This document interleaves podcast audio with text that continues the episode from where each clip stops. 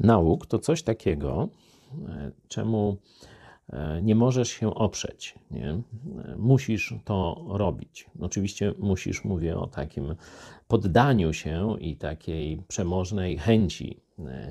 Nałogi mogą mieć albo tylko takie, powiedzmy, zewnętrzne przejawy, na przykład gry komputerowe, czy oglądanie pornografii, ale one wytwarzają pewne substancje chemiczne w mózgu, i e, w tym momencie to się zbliża do takiego uzależnienia też od substancji chemicznych, tak jak jakieś narkotyki, nikotyna i tak dalej, czy alkohol. Nie? E, także jest tutaj jakiś element przyjemności, jakiś element e, takiego no, poszukiwania szczęścia, no ale jest też element, że po pewnym czasie organizm będzie dopominał się jakiejś tam dawki pewnych substancji chemicznych.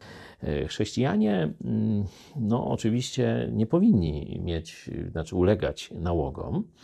E, I e, niekiedy by chcieli, żeby Bóg zabrał to od nas tak e, cudownie. I rzeczywiście takie historie się zdarzają. Sam słyszałem, sam też widziałem, że niekiedy Bóg w odpowiedzi na modlitwę odejmuje jakąś tam chęć, uzależnienie i tak dalej. Niekiedy to się dzieje tuż po nawróceniu, niekiedy też później. Ale chciałem Wam pokazać pewien werset, który pokazuje, że nie możemy tylko zawsze oczekiwać, że Bóg w cudowny sposób mm, oddali od nas jakiś nauk. W pierwszym liście do Koryntian e, mamy takie oto stwierdzenie apostoła Pawła.